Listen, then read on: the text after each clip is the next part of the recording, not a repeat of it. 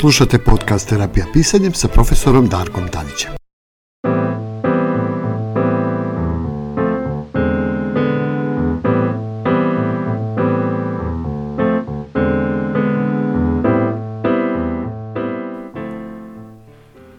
Dobrodošli u današnju epizodu terapijskog pisanja. Danas bih hteo da podelim sa vama jednu interesantnu temu o tome zašto neki ljudi žive u dolini Susa. I šta to zapravo znači? Takve ljude često srećem u radionicama terapijskog pisanja, ali ne samo tu, nego i u životu generalno. Prema tome, šta je to dolina suza i ko su ti ljudi? Mnogi ljudi smatraju da je ovaj svet jedno nepravedno mesto, dolina suza koja ne ispunjava njihove egocentrične želje i iracionalne potrebe. S obzirom da nisu naučeni da uključuju mozak, a nisu čuli ni za ravnotežu između razuma i osjećanja, žive isključivo u skladu sa svojim preteranim emocijama, oličenim u sobstvenim željama i potrebama i ljuti su na sve druge koji ne služe njima i njihovim iluzijama. Pravi jedan sebičluk. Čest pratilac ovakve osobe su anksioznost, depresija ili neka neuroza. Teži slučajevi skliznu u psihozu i druge ozbiljne poremećaje. Međutim, srećom takvih je manje u radionici terapijskog pisanja, kao što rekao na početku, često srećem takve ljude i danas imam potrebu da sa vama podelim neke misli o tome.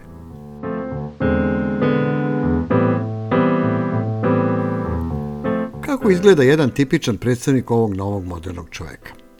Nazovimo ga recimo osoba X. Ova osoba je tipičan primjerak najčešćih oblika patnje i muke koja ponekad potraži pomoć terapeuta.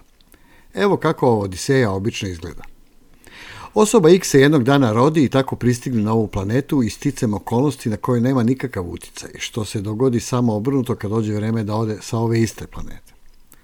Uglavnom mi nam ima manje više nesrećno detinjstvo, kao i većina ljudi, i to kasnije često koristi kao izgovor za sobstvene gluposti.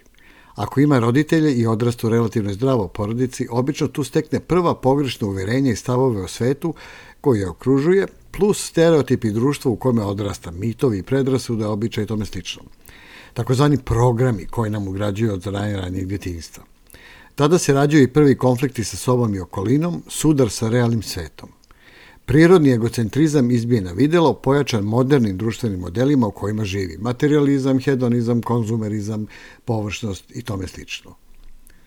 Ovo što osoba ova odmah nauči tokom odrastanja i čemu je ostala je verna uglavnom ceo život jeste da ne uključuje mozak, da ne razmišlja, da ne stekne naviku da uči ceo život i da je život prilična muka koju je potrebno izbegavati po svaku cenu. Ono što takođe nauči je da činom rođenja stiče sva prava ovoga sveta, obaveze su naravno minimalne ili se čak i ne pominju, da je svet mesto na kome treba samo uživati, stvari i materijalne dobiti, da se ceo svet vrti oko nje – Osvaja model života use, nase, podase i duboko je nesrećna kad vidi da se život obično odvija suprotno njenim željama i očekivanjima. Šta je još gore, tada shvati da na planeti postoji neki drugi ljudi sa sličnim konceptima života, a takvih je većina. I onda nastanu problemi.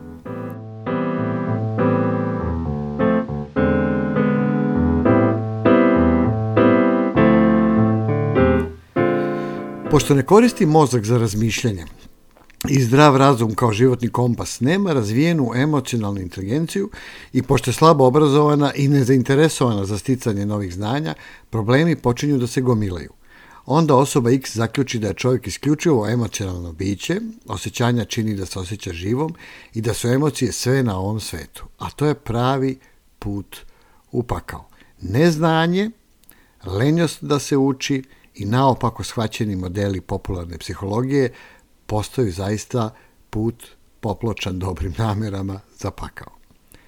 U tome moćno podupiru potrošački modeli i isprazna filozofija životne sredine u kojoj živi. Počne da prezire razum i dublje razmišljanje. Uzješe emotivnog slona i onda nastaje pakao u životu. I tako postane neurotična, izgubi kontakt sa realnošću i počne da živi u paklu sobstvenih iluzija ili takozvanih pogrešnih ili loših uverenja. Da bi se rešilo ove muke, osoba X počne da čita popularnu literaturu i priručnike, intenzivno živi u medijima, na televiziji, internetu i tome slično, i pobegne u svet utešnih iluzija, odbijajući da se vrati. Izdušno počne da traga za pogrešnim metodama za ublažavanje i prevazilaženje svojih teškoća. Po mogućstvu bez nekog većeg napora i uz minimum ulaganja sebe. To je ono, znate, čuveno kada uh, odeš kod psihoterapeuta, psihologa, sveštenika i tako dalje i sad očekuješ da te neko drugi popravi. A to ne biva u stvarnom životu.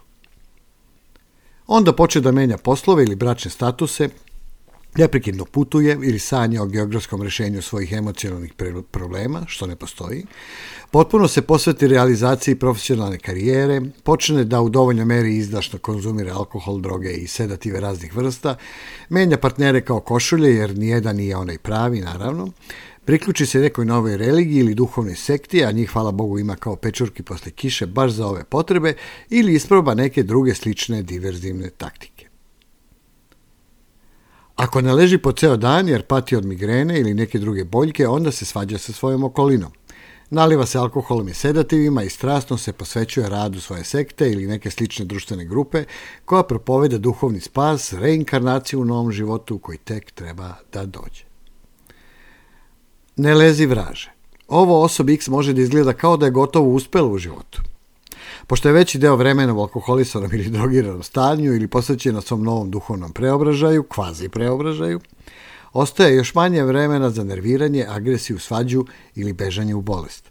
Ali čim dejstvo alkohola i sedativa ispari, a duhovna transformacija ne da rezultate, ona mora opet da se suoči sa realnim svetom i neuroza se vraća punom parom, uključujući anksioznost, depresiju i slično. I onda osoba X sebe smatra nesrećnom osobom, vidi nesrećno detinjstvo i slične modele koji postaju opravdanje. I duboko je ubeđena da joj drugi ljudi duguju mnogo bolji tretman.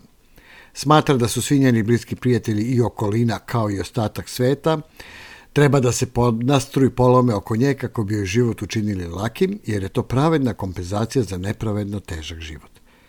Međutim, obično vrlo rano otkrije da drugi ljudi ne dele njenu ideju da treba da joj služe – i da u nedostatku nekog interesa uopšte nisu zainteresovani za njenu sudbinu. Tada se osoba X iskreno naljuti zbog bezosećajnosti i nepravednosti tog sveta i ima želju da svima ovu gnusnu nepravdu nabije na nos. I povuče se u svoju anksioznost ili depresiju. Osoba X nema kapacitete ili neće da razume da je univerzum potpuno ravnodušan prema našoj sudbini i da je jedini način da ostvarimo kvalitetan i srećan život, da svoj život uzmemo u svoje ruke. Da počnemo da mislimo, da učimo, stičemo nova iskustva i izbalansiramo svoje emocije. Ali to je mnogo teško. I traži žrtvu, napor, doživotni trud. Dolina suza je bolje rešenje, jer sudbina je onako sve karte odavno podelila, a mi sa tim nemamo ništa, zar ne? Terapija pisanjem je idealan način da se povežete sa svojim unutrašnjim bićem, uzmete svoj život u svoje ruke i ostvarite efikasan lični rast i razvoj. Potreban je samo papir i olovka i nešto dobre volje. Proverite kako to funkcioniše u individualnim i grupnim radionicama terapijskog pisanja. Uvek ste dobrodošli. Slušajte i dalje naš podcast sa novim i zanimljivim temama. Do slušanja. Slušali ste podcast Terapija pisanjem sa profesorom Darkom Tadićem. Pratite nas i u sledećim epizodama na našem sajtu www.terapijapisanjem.com. Do slušanja.